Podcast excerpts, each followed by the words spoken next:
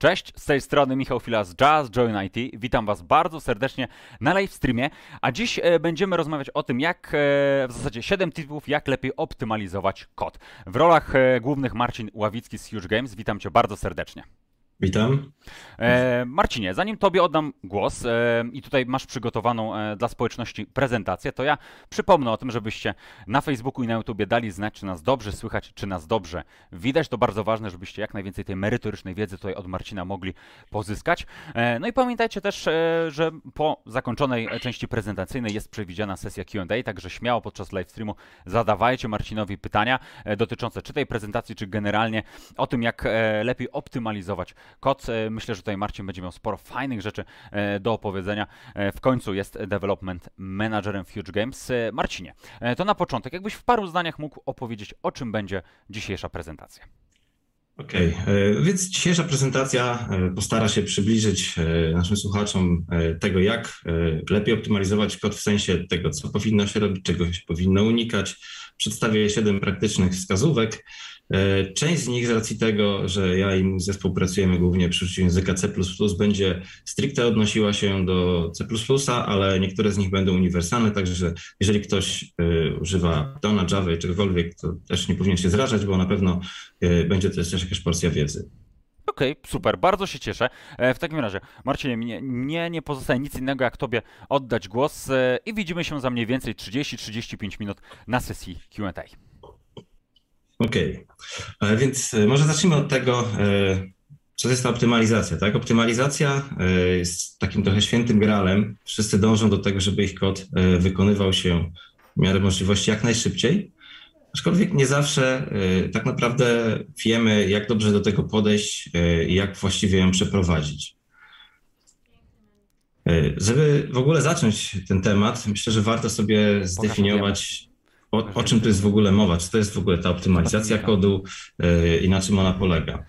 E, przede wszystkim, e, kiedy mówimy o optymalizacji, musimy pamiętać, że jest to proces. To nie jest coś, co robimy raz i o tym zapominamy, przechodzimy sobie dalej gdzieś do etapu tworzenia naszego programowania. To jest coś, co powinniśmy wykonywać ciągle. Dlatego nie, mo nie można powiedzieć, że optymalizacja się skończyła, przynajmniej nie w takim sensie, no. że wykonaliśmy to raz i, i uznajemy, że to jest koniec. E, jest to też proces, trzeba pamiętać, że ten proces ma tam jakiś cel i tym celem jest poprawa z reguły szybkości działania programu e, lub zmniejszenia wymagań programu względem tego, e, jaką ilość pamięci on potrzebuje. Czasami próbujemy osiągnąć jedno i drugie, czasami musimy jedną z tych rzeczy poświęcić, żeby uzyskać lepsze rezultaty w drugiej dziedzinie. Tak jak powiedziałem, z uwagi, że to jest, e, jest to proces ciągły, jest to też ważny krok. Tak? E, jest to istotne, żeby e, proces optymalizacji wdrożyć do swojego procesu wytwarzania oprogramowania.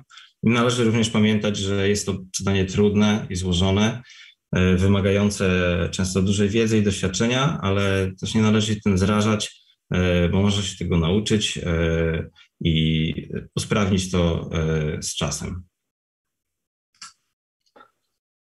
Jak już wiemy, co to jest optymalizacja, e, powinniśmy się zastanowić, po co chcemy ten kod optymalizować. Jak, jak wspomniałem, jest to proces trudny i złożony, więc e, po co zadawać sobie trudu, skoro e, nie wiemy, czy tego potrzebujemy. Jednym powodem jest to, żeby oprogramowanie działało po prostu szybciej. Tutaj e, możemy mieć na przykład na myśli płynnie działające gry komputerowe. E, zapewne wielu e, z Was widziało gry, które działają zbyt wolno, mają za mało klatek na sekundę. Gracze często wtedy narzekają. Celem twórców jest wówczas poprawienie kodu w taki sposób, żeby tych klatek na sekundę uzyskać więcej i zadowolić swoich odbiorców. E, mogą być to też bardziej responsywne aplikacje, zwykłe desktopowe lub mobilne aplikacje. E, jeżeli są źle wykonane, e, ich interfejs graficzny może lagować i w związku z tym zniechęcać zwyczajnie użytkownika do tego, żeby tych aplikacji, z tych aplikacji korzystać. W przypadku backendów możemy mieć na myśli szybsze odpowiadanie na zawołania użytkownika, także to jest jeden z powodów. E, innym powodem może być to, e, że chcemy, żeby nasze programowanie działało na ograniczonym sprzęcie lub na bardziej ograniczonym sprzęcie niż ten, na którym je rozwijaliśmy. Możemy tu mieć na myśli sprzęt z mniejszą ilością pamięci, ze słabszym procesorem, kartą graficzną, a może nawet chodzić o ograniczenia związane z konsumpcją energii, jak to ma miejsce czasami w przypadku aplikacji na smartfony czy aplikacji na urządzenia wbudowane IoT, które na przykład działają tylko i wyłącznie na bateriach. I czasami jest to po prostu konieczne, żeby w ogóle aplikacja mogła spełniać swoje e, zadanie. Tutaj możemy być mowa na przykład o, obsłudze olbrzymich zbiorów danych, takich jak big data, e, czy też przetwarzania e, złożonych modeli, czy scen 3D, gdzie mamy do czynienia z, z milionami punktów czy wielokątów. Chcemy to robić w czasie rzeczywistym. Może to też dotyczyć obrazów wysokiej rozdzielczości lub wideo, na przykład w 8K. W tych wszystkich przypadkach optymalizacja zazwyczaj jest konieczna, żeby uzyskać takie rezultaty, jakich oczekujemy my czy nasi klienci. I żeby ten proces sobie uporządkować, usprawnić, może wprowadzić do niego jakiś krok, którego wcześniej nie stosowaliśmy, staram się Wam przedstawić siedem takich punktów. Najpierw opowiemy sobie na temat przedwczesnej optymalizacji. Potem przejdziemy do kwestii testów wydajnościowych e, i profilowania kodu. Następnie porozmawiamy o tym, że należy zaczynać od algorytmów, o tym, jak wykorzystywać lepiej swój język programowania e, oraz platformę docelową. Na końcu pomówimy chwilę na temat tego, e, jak to wygląda na poziomie sprzętu i wspomnę o zasadzie, jaką powinniśmy zawsze się kierować, prowadzając optymalizację.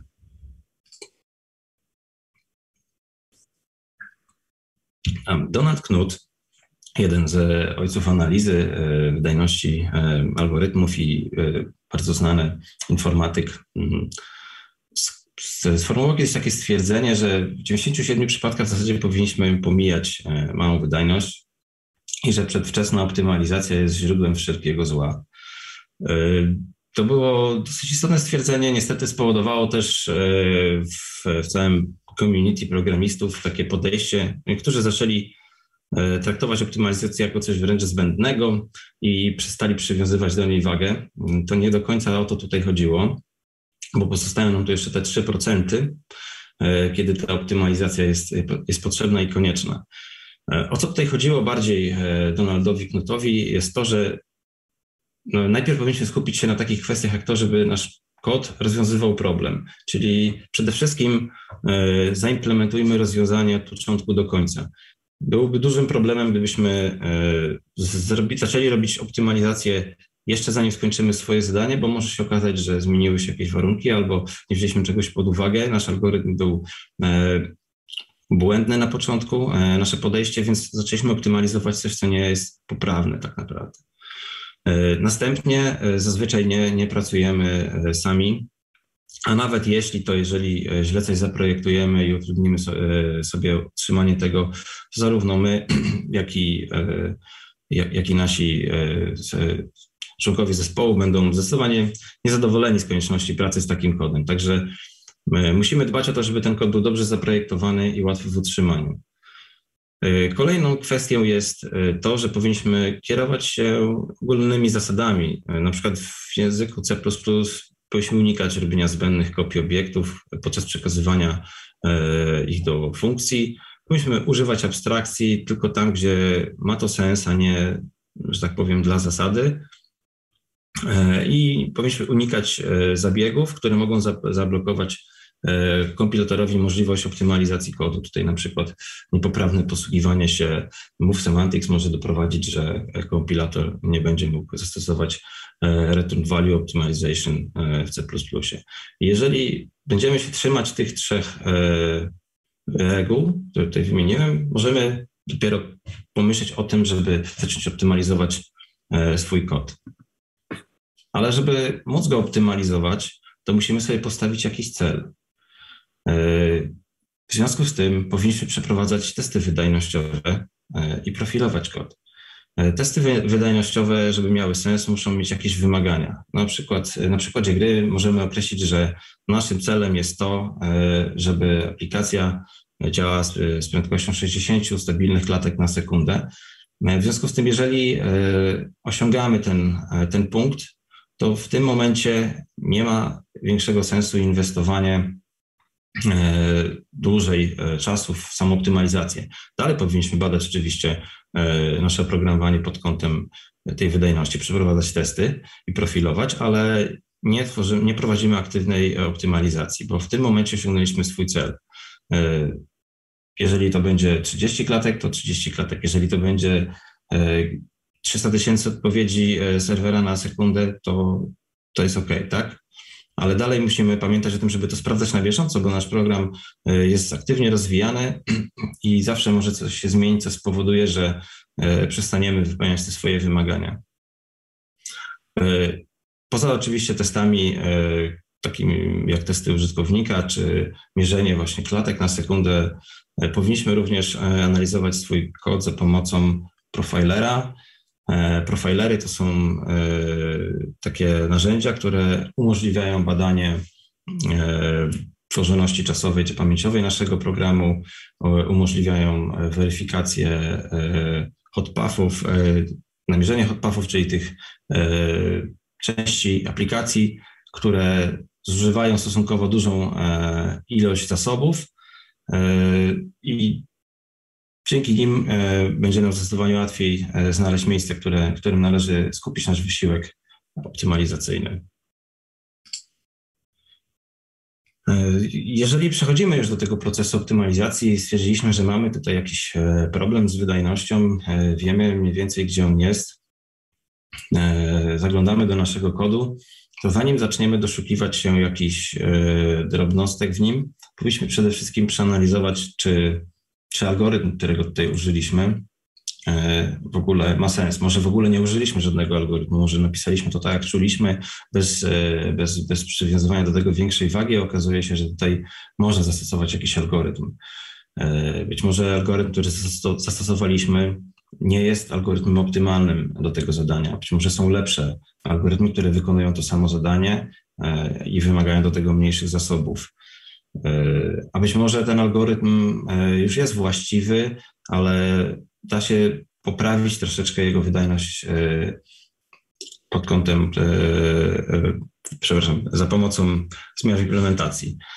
I tutaj należy pamiętać, że jeżeli mamy jakiś algorytm i nie zmienimy go w inny algorytm, to te drobne tweaki w optymalizacji nie spowodują, że on nam zacznie być inny w klasie złożoności, tak zwanym Big O, to będzie dalej to samo, ale zmienią nam się stałe współczynniki, dzięki czemu być może to będzie już wystarczające, żeby, e, żeby ten algorytm rozwiązywał zdania na takim poziomie, jakbyśmy chcieli. I tutaj mam taki przykład dla Was. E, zadaniem tutaj było posortowanie zbioru wielkości jednego miliona elementów. Zakładamy sobie, że szybkość komputera to jest 100 milionów operacji na sekundę. I ten problem e, próbujemy rozwiązać za pomocą dwóch algorytmów. Za pomocą algorytmu Quicksort, który ma złożoność n log n i e, selection sort, który ma złożoność kwadratową, kwadrat. E, jak widzicie tutaj po podstawieniu tych liczb, to jest takie uproszczone wyliczenie, mm, ale, ale widać jaka jest różnica, tak? Nasz, w przypadku quicksorta nasz zbiór został posortowany w 0,2 sekundy, w przypadku selection sorta E, potrzebowaliśmy 10 tysięcy sekund w zasadzie, tak, czyli prawie, prawie 3 godziny, 2 godziny 45 minut około. E, I tutaj w zasadzie prawdopodobnie, gdybyśmy mieli taką sytuację w rzeczywistości, e, to nasz algorytm jest już poprawiony, osiągnęliśmy cel, tak? 0,2 sekundy, a 2 godziny 45 minut to jest kolosalna różnica i wystarczyło zmienić sam algorytm. Ale jeżeli okaże się, że algorytm to nie wszystko, to powinniśmy się zastanowić też nad tym, jak lepiej wykorzystać e, swój język programowania. E, nie wszystkie języki, tak jak C++, pozwalają precyzyjnie określać e, typy danych. Na przykład inty w C++ mogą być w kilku wielkościach. I tutaj należy się zastanowić, czy potrzebujemy e, tak dużego typu danych do przechowania naszych informacji, e, czy możemy użyć e, mniejszego. Wiąże się to z kilkoma kwestiami. Po pierwsze, jeżeli grupujemy dane w strukturach, kompilator będzie wyrównywał strukturę, tak zwany padding, do określonej wielkości, tak żeby wczytywanie danych przez procesor było jak najbardziej optymalne. Druga kwestia, jeżeli użyjemy zbyt dużego typu danych, którego nie potrzebujemy tak naprawdę, a zbiór E, tych typów będzie dosyć duży, no to zwyczajnie tutaj marnujemy e, pamięć niepotrzebnie. Inną kwestią jest jeszcze to, że należy pamiętać, że procesor często, dzisiejsze procesory mają cache na różnych poziomach, są, mają instruction pipelining, są superskalane, więc są w stanie wykonywać operacje na, tak naprawdę na wielu danych na raz. I w związku z tym te informacje trafiają do cache'u w jakichś paczkach. Jeżeli y, używamy niepotrzebnie dużego typu danych, y, powodujemy, że mniej tych danych zmieści nam się y, w takiej linii cache procesora. Także to, to, to należy o tym pamiętać. Odpowiednie struktury danych z biblioteki standardowej. Tutaj na przykład możemy pomyśleć sobie o wektorach. W przypadku odpowiedników w Javie to są array listy.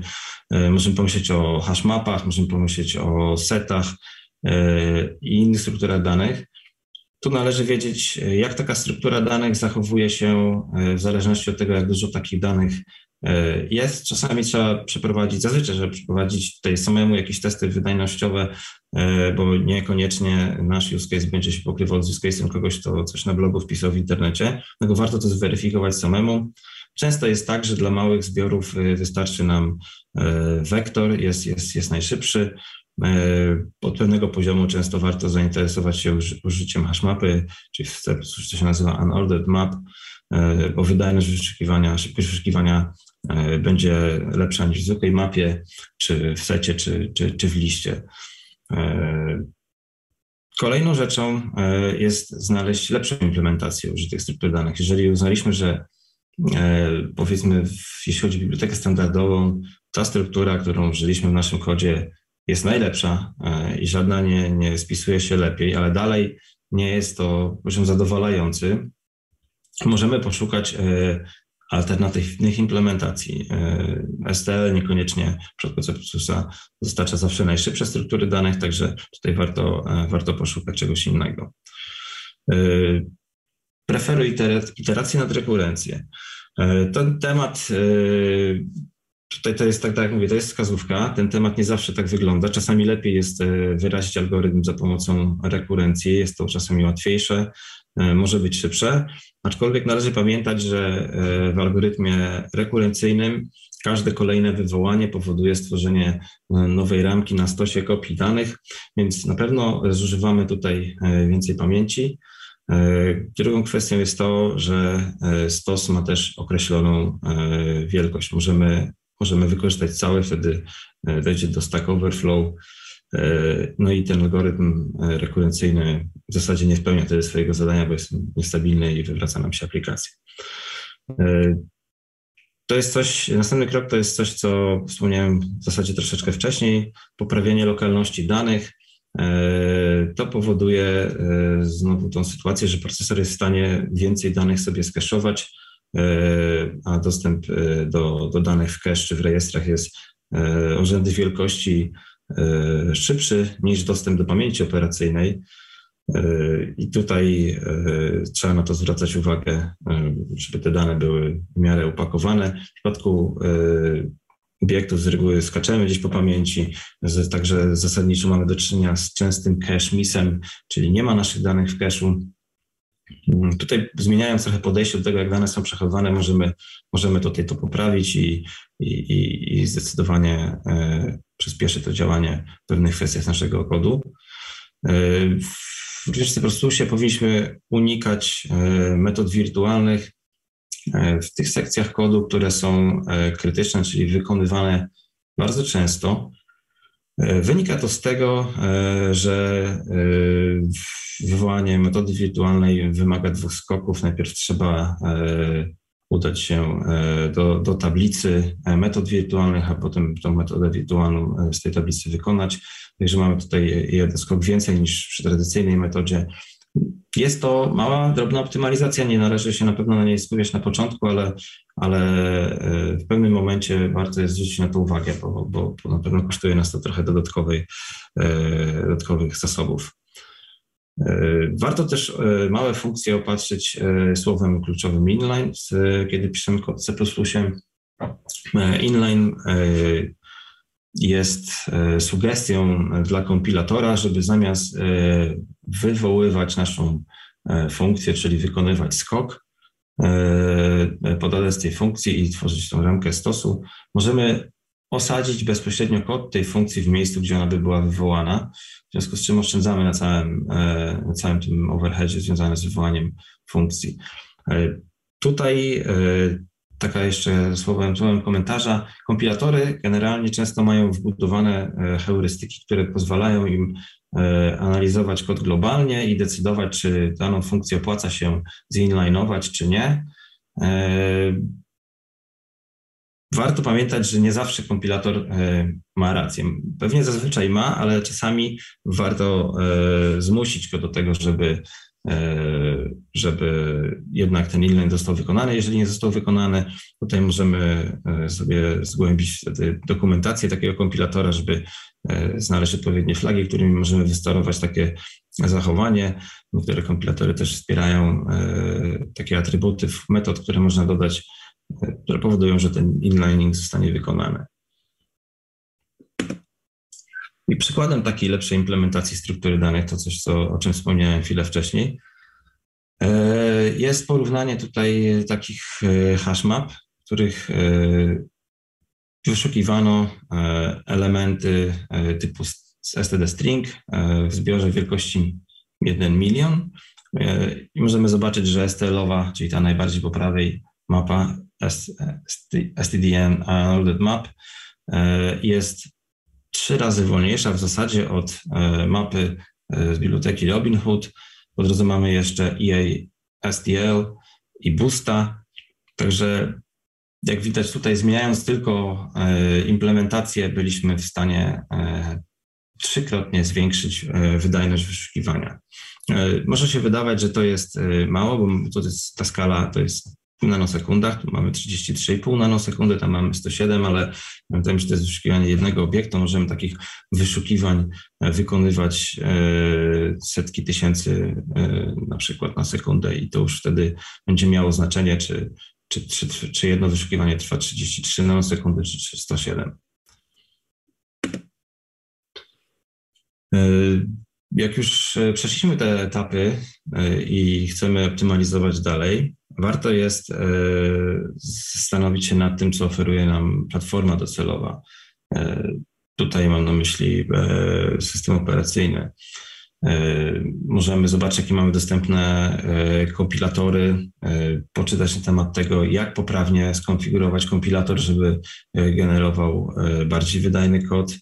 Może zmusić go do czegoś, może chcemy wyłączyć na przykład wyjątki z jakiegoś powodu. E, to wszystko można e, zrobić e, za pomocą odpowiednich flag kompilatora. A drugą kwestią jest to, że jeżeli kompilujemy kod na różne platformy, posługujemy się różnymi kompilatorami, możemy porównać, jak one sobie poradziły z optymalizacją takiego kodu i spróbować przenieść optymalizację wykonaną przez jeden kompilator na drugi, na kod, który będzie kompilowany przez drugi kompilator. Tutaj e, mam taki przykład. E, tu są różnice między e, kompilatorami Clang, GCC i MSVC. Po lewej stronie mamy oryginalny fragment kodu. Tutaj jest taki troszeczkę syntetyczny ten fragment, ale wykonuje intrinsiki, o których powiemy sobie później, specjalne funkcje. Jak widać po prawej stronie Clang był w stanie skompilować ten e, kod, e, stworzyć assembler składający się w zasadzie z dwóch wektorowych instrukcji. E, GCC wypadł trochę gorzej. W przypadku kompilatora Microsoftu tych instrukcji jest najwięcej. Mm, poprzez analizę tego, jakie, jakie instrukcje wektorowe zostały wykonane przez Clang, możemy spróbować namierzyć takie intrinsiki, którym będziemy w stanie zmodyfikować e, nasz oryginalny fragment kodu dzięki czemu te optymalizacje uzyskane przez Clang będą mogły pojawić się też w kodzie e, wygenerowanym, e, assembly wygenerowanym przez inne kompilatory. Tutaj jest taki przykład. Poprzez analizę tego kodu assembly Clang zmodyfikowana została oryginalna implementacja. Jak widać, w zasadzie mamy to samo po stronie GCC. Po stronie kompilatora Microsoftu Dalej jest tych instrukcji trochę więcej, ale może cofnę na chwilę. Widzimy, że jest, jest zdecydowanie, e, zdecydowanie lepiej. Także warto, e, warto takie rzeczy też robić i sprawdzać, takie eksperymenty przeprowadzać, e, żeby namierzyć takie potencjalne improvementy. Oczywiście robimy to tylko w tych miejscach, w których wiemy, że, że ta wydajność cierpi. Kolejnym krokiem jest e, zejście do, do poziomu sprzętu. Przede wszystkim powinniśmy wiedzieć, jak e, działa sprzęt, e, na którym będziemy uruchamiali swój kod i wykorzystać w miarę możliwości funkcje wewnętrzne, intrinsic functions, przykład ich wykorzystania widzieliście przed chwilą na poprzednim slajdzie. Co mam na myśli przez to, żeby dowiedzieć się, jak działa sprzęt? No, warto e, wiedzieć właśnie takie rzeczy jak e, to, w jaki sposób e, kaszowane są dane przez procesor.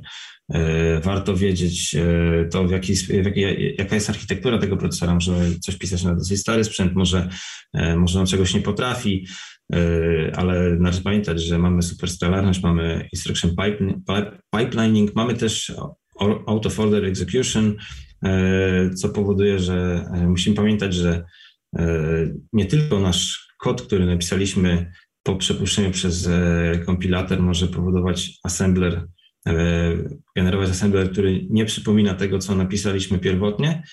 Procesor może dołożyć jeszcze tutaj swoje optymalizacje, tak jak powiedziałem, spekulacyjne wykonanie i tak dalej. To powoduje wszystko, że to, co robi procesor, E, może e, luźno nawiązywać do tego, co e, napisaliśmy na początku. Oczywiście rezultaty powinny być takie, jakich oczekujemy, ale niekoniecznie jest to dokładnie tak, jak nam się wydaje, że procesor pod spodem działa i przetwarza te dane. No i wykorzystanie funkcji intrinsic to jest zdecydowanie związane z konkretnym sprzętem. Tutaj e, zestawy takich funkcji są dostarczane e, pod kątem konkretnych architektur, także e, będziemy mieli osobne zestawy instrukcji dostępne dla ARMA 32-bitowego czy 64-bitowego. Tak samo w przypadku procesorów Intel będziemy mieli, czy tam architektury x86, będziemy mieli też specjalne zestawy. O niektórych armia może, może nie słyszeliście, ale, ale założę się, że, że ktoś słyszał o, o takich zestawach instrukcji jak SSE2, SSE3, może AVX. E, to wszystko są specjalne instrukcje, e, które e, pozwalają przetwarzać nam dane na zasadzie SIM, czyli Single Instruction Multiple Data, to tak zwane instrukcje wektorowe. E, I tutaj chciałbym Wam pokazać e, przykład takiego zastosowania intrinsików. Jest to e, fragment funkcji programu etc-pack służącego do kompresji tekstur do formatu etc, który jest używany przez urządzenia mobilne. Także to jest coś, co wykorzystujemy w naszych grach. I ten fragment kodu sprawdza, czy dany blok pikseli 4 na 4 jest e, jednolity, czy ma jeden kolor. Po lewej stronie widzimy intrinsiki e, Intela SSE 4. Po prawej widzimy kod skalarny, czyli e, standardową implementację, od której z reguły zaczynamy. Jest dużo łatwiej myśleć o, o naszym problemie, kiedy kiedy on jest rozwiązany, tak, najpierw napisaliśmy wersję skalarną, ona działa, robi to, co trzeba, teraz chcemy ją e, poprawić, wtedy dopiero przechodzimy do, do kwestii intrinsików, e, tak żebyśmy mogli weryfikować, czy, czy w ogóle to, co my robimy tymi intrinsikami ma sens. E, tutaj widzimy szereg, szereg instrukcji, większość z nich operuje na 128-bitowych e, rejestrach. Mm, co tutaj zyskujemy?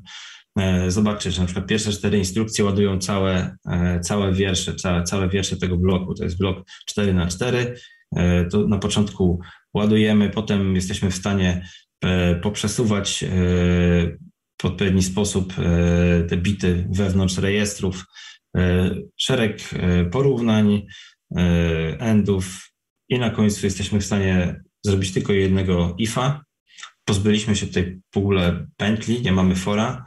E, jest to, e, jest to już optymalizacja dzięki temu, że wykorzystujemy tutaj instrukcje wektorowe, przetwarzamy dużą ilość e, informacji na raz. Czasami uda się coś jeszcze zrobić takiego, żeby pozbyć się IFA. Branching, IFy czy instrukcje warunkowe powodują branching w kodzie. Jeżeli uda nam się tego uniknąć, jest to też jakaś szansa na optymalizację kodu. E, I to jest e, fragment, który jakbyście sobie chcieli zobaczyć e, generalnie ETC Paka, on jest na GitHubie. Możecie sobie tam popatrzeć na takie fragmenty kodu za pomocą intrinsiców zaimplementowane i porównać sobie, jak to wygląda.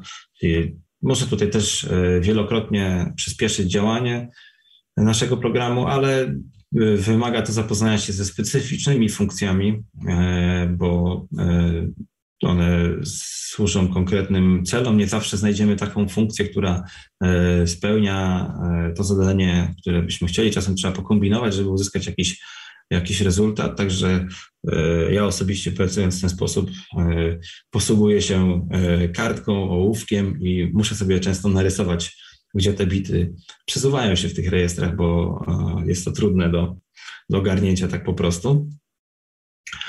E, ale w przypadku takich e, rzeczy jak właśnie e, operacje na blokach pikseli, teksturach czy innych blokach danych, można tutaj dużo ugrać stosując tego typu rozwiązania. Ostatnią rzeczą, o której bym chciał powiedzieć, jest to, że powinniśmy zawsze postępować z zasadą, zgodnie z zasadą malejących przychodów. To jest ten lowest hanging fruit, y, powinniśmy go y, sięgać na początku, czyli zaczynamy optymalizację y, od tego, co wymaga najmniejszego wysiłku, a potencjalnie daje najlepsze rezultaty. Dopiero jak już wykorzystamy taką możliwość, schodzimy, że tak powiem, coraz niżej, czyli próbujemy wykonać inną optymalizację, która już kosztuje więcej wysiłku, ale dalej daje relatywnie dobre rezultaty. I tak aż, aż, aż osiągniemy e, swój cel w zasadzie. E, jak osiągniemy swój cel, e, na, na, ten, na ten moment możemy przerwać optymalizację i wrócić do niej po, po, po tym, kiedy analiza wykaże nam, że nasz program nie spełnia swojego zadania tak, jak powinien.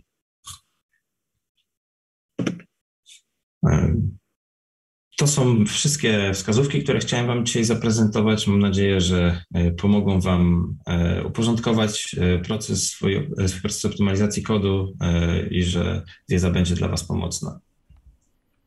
Dzięki Marcinie. E, za tę prezentację, za sporo e, tutaj przekazanej wiedzy naszej społeczności. E, mam nadzieję, że tutaj też w komentarzach dacie znać, czy Wam się podobało, czy, czy sporo tej wiedzy wyciągnęliście. I czas w takim razie przejść do sesji Q&A. Ja przypomnę, że najciekawsze pytania zostaną nagrodzone gift packami od Just Unity. No i cóż, Marcinie, możemy zaczynać?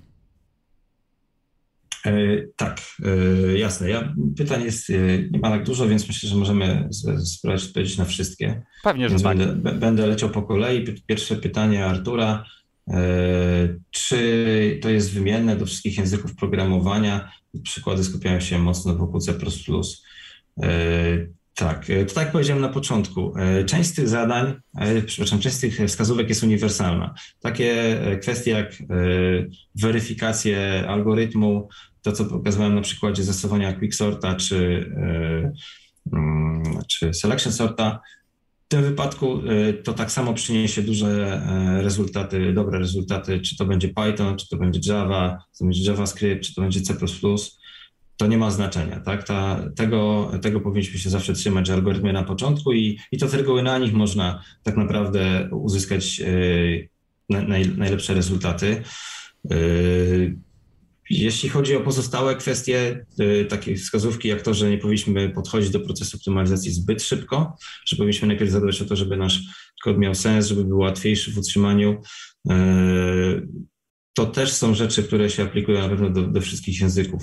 Jeśli chodzi o, o, o takie rzeczy jak lokalność danych, przyznam szczerze, że nie mam pewności. Tu w, w, wymaga to zweryfikowania, bo, bo mamy po drodze w językach takich jak Java, na przykład mamy, mamy JITA, mamy wirtualną maszynę, więc tutaj kwestia, jak, jak, jak, jak ona do tej optymalizacji podchodzi więc nie, nie jestem w stanie tutaj e, w pełni dobrze na to odpowiedzieć. Na pewno ma, mają zastosowanie te wszystkie porady dotyczące podejścia do samego procesu, e, algorytmów, czy ta ostatnia kwestia e, kwestii malejących przy, przychodów, tak, że za każdym razem staramy się wybierać to, co daje jak najlepszy rezultat, to to wszystko ma zastosowanie.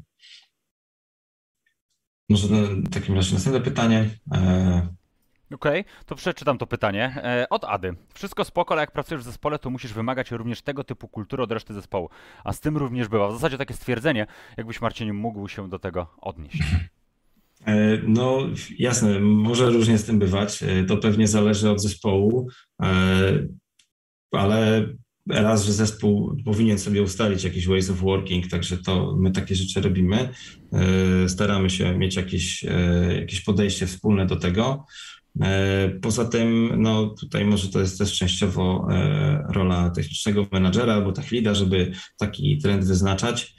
E, także myślę, że o ile to jest mile widziane pewnie, kiedy od, oddolna inicjatywa się taka pojawia, junior na przykład nie powinien się martwić tym, że nikt tutaj tego na przykład nie robi. Tak, można o tym wspomnieć, można zapytać, dlaczego się tego nie robi. Także taką kulturę powinna w pewnym sensie też i organizacja, i, i, i liderzy zespołu e, kształtować. Okej. Okay. E, dobrze, dziękuję za odpowiedź za to pytanie. Tym razem kolejne pytanie od Marcina, o proszę twojego imiennika. E, czy Huge Games daje wam się wszystkie te zasady stosować w większych zespołach?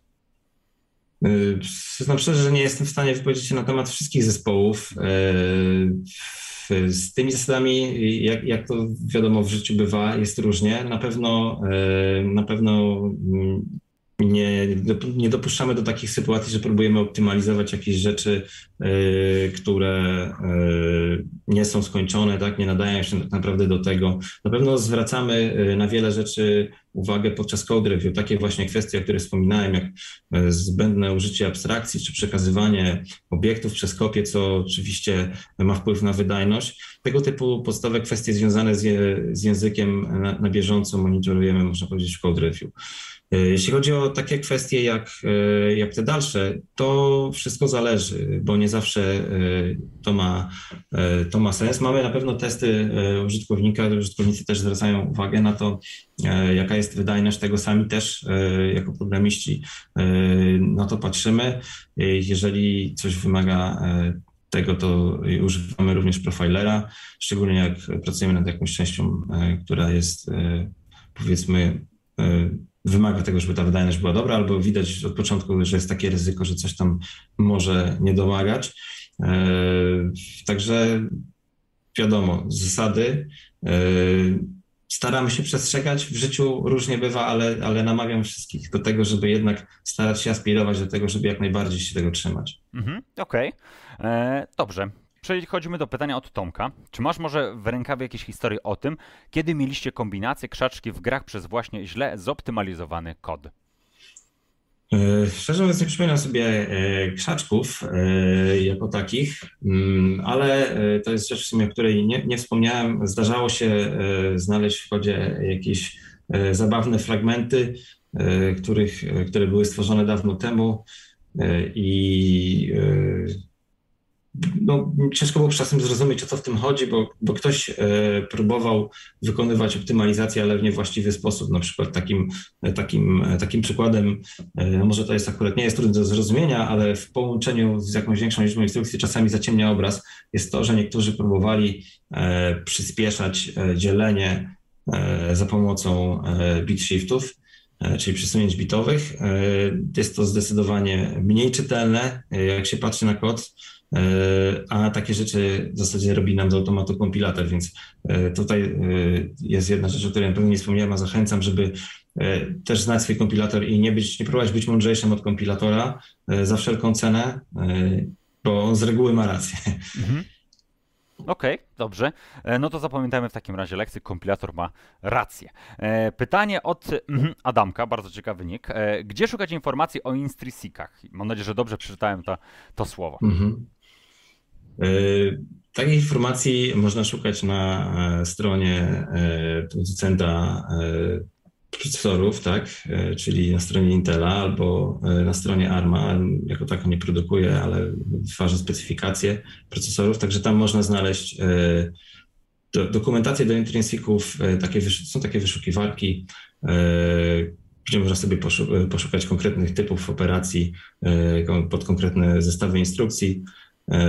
I ja na przykład właśnie pisząc taki kod używałem tego żeby poszukiwać tego, takich, takich instrukcji, które mogą mi się przydać, które mogą pomóc mi zrealizować to zadanie.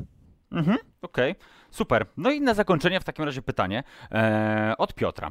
Cześć. Mówiłeś, żeby unikać nadmiernej abstrakcji, jednak w wielu przypadkach abstrakcje są potrzebne, a dodatkowo może dochodzić late binding. Jak sobie z tym radzić? To, to, jest, e, to jest w ogóle tak, taki ciężki temat w tym sensie, że, że trwa dyskusja e, z tego, co przynajmniej ja obserwuję e, na temat tego, czy my na pewno powinniśmy tak mocno polegać na abstrakcjach. W tym momencie jakby programowanie obiektowe to, to jest taki standard i może łatwiej się to projektuje, może łatwiej czasem coś wyrazić, ale, ale prawda jest taka, że to, że, to, że to kosztuje. Abstrakcja kosztuje zawsze, więc yy, tak jak powiedziałem, yy, unikanie nadmiernej abstrakcji nie znaczy, że nie powinniśmy stosować abstrakcji. Tam, gdzie to ma sens, tam, gdzie ten kod nie jest jakiś krytyczny pod względem performance'u, na pewno warto użyć tej abstrakcji, ale też warto się zastanowić, czy, czy my tak na pewno jej tam potrzebujemy. Także to jest coś, co należy analizować w konkretnym przypadku. Nie, nie, nie ma moim zdaniem takiego e, silver bullet typu tutaj używamy, tu nie używamy. To trzeba za każdym razem rozważyć, e, czy, jaki to ma wpływ i ile to nas kosztuje. Pamiętajmy, że zawsze abstrakcja wiąże się z, z tym e, double jumpem w C++ i to powoduje często cache missy i ten kod w praktyce może się wykonywać dużo wolniej. Także w tych hotpathach, w tych miejscach, gdzie wiemy, że wydajność jest krytyczna, tam powinniśmy tego unikać. Mhm, Okej. Okay. Mam nadzieję, Piotrze, że to e, wyczerpała, tutaj ta odpowiedź wyczerpała Twoją ciekawość. E, Marcinie, e, ja Tobie bardzo serdecznie dziękuję za poświęcony czas, za przeprowadzony livestream w dzisiaj. No i cóż, mam nadzieję, że do zobaczenia w takim razie. Ja przypomnę o tym, że jeżeli jesteście zainteresowani pracą w Huge Games, to oczywiście aplikujcie. Sporo ofert jest na JustGNT, oczywiście link w komentarzu i na Facebooku, i na YouTubie. Ale tymczasem, Marcinie, Tobie bardzo serdecznie dziękuję raz jeszcze. Miłego popołudnia i do zobaczenia. Cześć. Dzięki.